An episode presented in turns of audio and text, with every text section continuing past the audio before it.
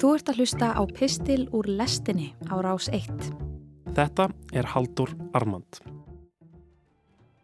Njótum þessara stefnulausu daga meðan við getum. Svona hljómar kabla upphafi í skaldsögunni White Noise eða Kvítt Suð eftir bandaríska rittöfundin Don DeLillo frá árinu 1985. Í bókinni kemst söguhetjan Jack Gladney, háskólaprofessor í Hitlersfræðum, að því að eiginkona hans, Babette, svíkur hann með manni sem jafnframt útvegar henni tilrauna kent liv við dauðaræðslu. Fjölskyldan neyðist sömuleiðis til þess að leggja á flótta úr heimabæ sínum þegar eitur atviki lofti, eins og það er kallað í fjölmjölum, þetta Airborne Toxic Event, verður þegar lestarvagn fer af spórinu í nágrenninu og eitur efni sleppa út í andrumsloftið. Jack kemst síðar að því að hann hafi komist í snertingu við eituröfnin og þannig hlift dauðanum inn í sig, svo að segja. Dauði og dauðarhæðsla eru megin þemu þessa snildraverks og ein af þekktari setningum bókarinnar er hinn mystíska spásögn Jacks um að öll plott stefni í átt dauðans. Þetta sé eðli allra plotta. Mér og minna allt í bókinni ringsnýst um þessa kunnulegu hræðslu, hvort sem það er tilfinningin sem vaknar innra með söguhetjónum þegar þær stíga inn í yfirlistan stórmarkað, Hitlers-fræðin, eitur atvegið í lofti eða sjálfur titill bókarinnar, Kvíta söðið, sem og tilraunir nútíma neyslusamfélags til þess að bæja þessum hugsunum í burtu frá okkur með öllum tiltakum ráðum. Já, hvert er hlutverk döðans? Hvaða merkingu hefur hann? Ef þá einhverja, og hvernig er best að fást við viðvarandi nærveru hans í lífi okkar? Þetta eru vitaskuld spurningar sem hvert mannsbarn þekkir. Sama gildir um erfileikana sem aður mætir við það að reyna að svara þeim. Er eitthvað til í því hjá Hamlet Danaprins þegar hann heldur því fram að eina ástæða þess að við þrýfumst í þessum táradal hér á jörðu og þólum þá lungu og ströngu niðurlægingar herrferð sem kölluð er mannleg tilvera sé svo að við vitum ekki hvað býður okkar hinum eigin í hinnu ókannaða landi handanheimsins. Já að ástæða þess að við látum fáránleika örlagana yfir okkur ganga, trekk í trekk, þá hjarta sorg og þúsund megin sem holdið erfir, sé svo að mögulega muni okkur dreyma eitthvað þessa lungu nótt, per chance to dream, I there's the rub, og við óttumst að sá draumur verði verri en martröðin sem við lifum. Það er einhver líkara en að klifrarinn Alex Honnold, söguhetja heimildarmyndarinnar Free Solo, sem nýlega hlaut Óskarsvelunin, hafi fengið að smakka á því dauða hræðslu lifi sem Babette breyður í White Noise.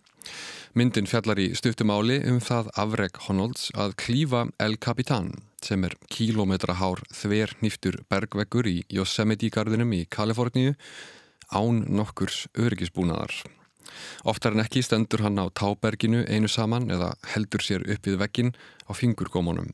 Ef hann skrikar fótur um 1 cm eða missir takið með einum eða tveimur fingrum mun hann rapa til jarðar, mörg hundruð metra. Þetta er áhugaverð mynd fyrir ímsarsakir, hún fjallar um áráttu, þráhyggju og vilja mannsins til að yfirstíga sjálfan sig og eigin takmörk. Fyrir mér er hún kannski fyrst og fremst óður til vitfýringarinnar, óður til þess að fara út á jæðarinn vegna þess að þar heldur sannleikurinn yfirleitt til, utan hins venjulega, utan megin strömsins, utan hins öruga, utan loknmótlu daglegs lífs.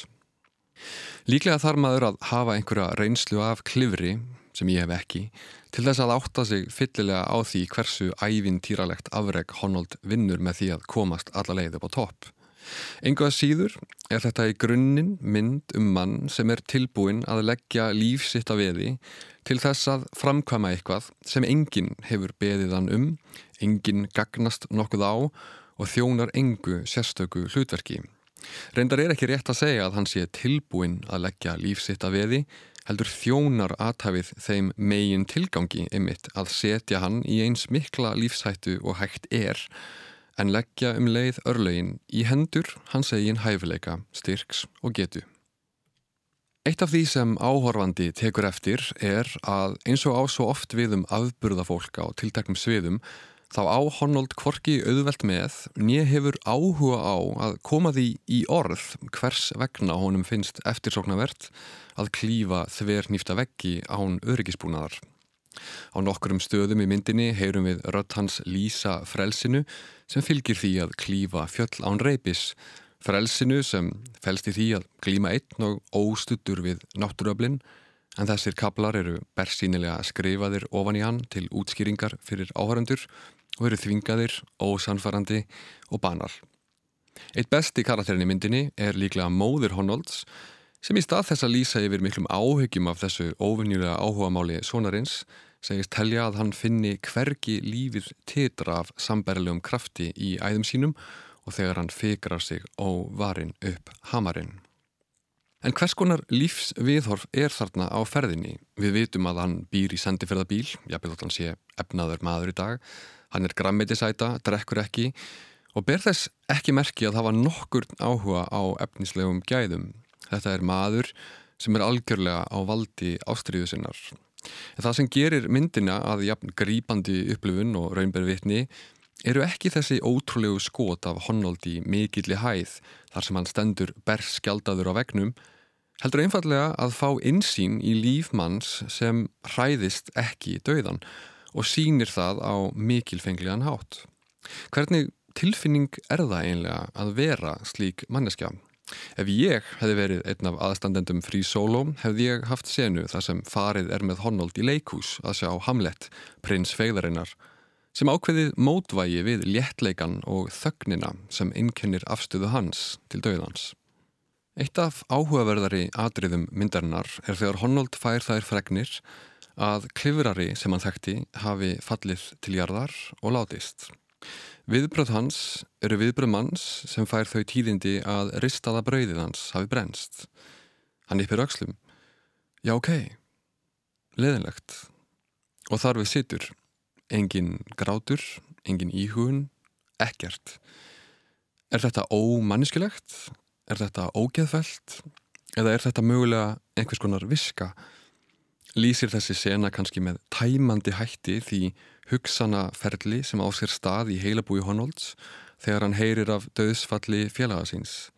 Hefur hann mögulega einmitt í krafti þess að vera sífælt í svo mikilli og ákaflegri návist við döðan, kannski einmitt miklu dýbri og næmari sín á endaloka manna en við hinn, sem eigum ekki róði eigin vannmáttarkend og fyllumst ángist og örvætingu við það eitt að ganga inn í yfirlistan stórmarkað vegna þess að þar nefnum við hið eilífa kvítasuð döiðans í bakgrunni og getur þessi sín mögulega aðeins byrst öðrum eins og kaldranaleg grimd eða jafnvel heimska.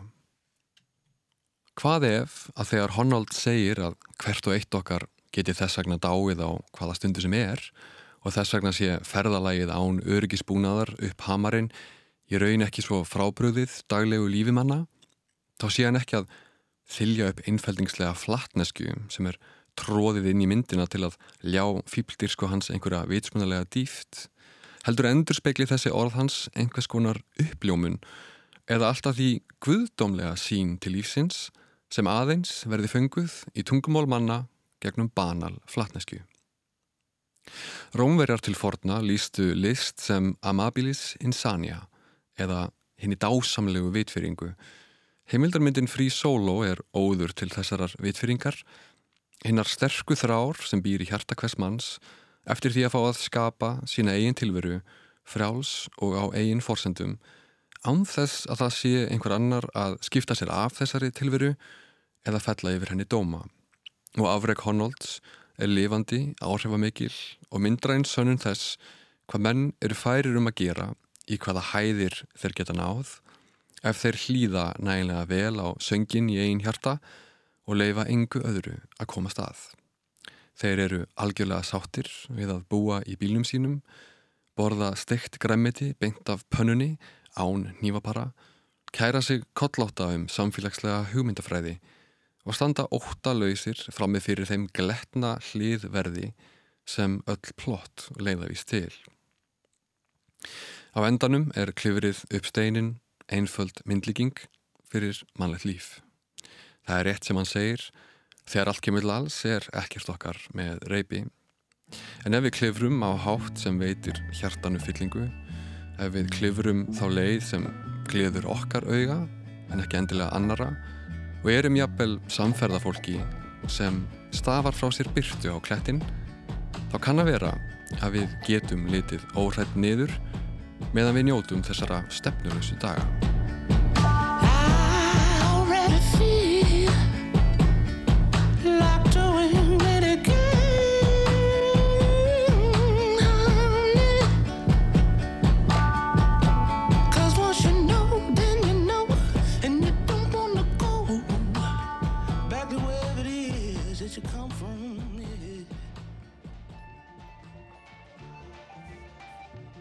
Þú varst að hlusta á Haldur Armand, nýr pistill frá Halduri, hljómar á hverjum þriðu degim í lestinni á rás 1. Ef þú fílaðir þennan pistil og vilt heyra meira, getur gerst áskrifandi að lestinni hér í hlaðvarpsappinu þínu. Rás 1 fyrir forveitna.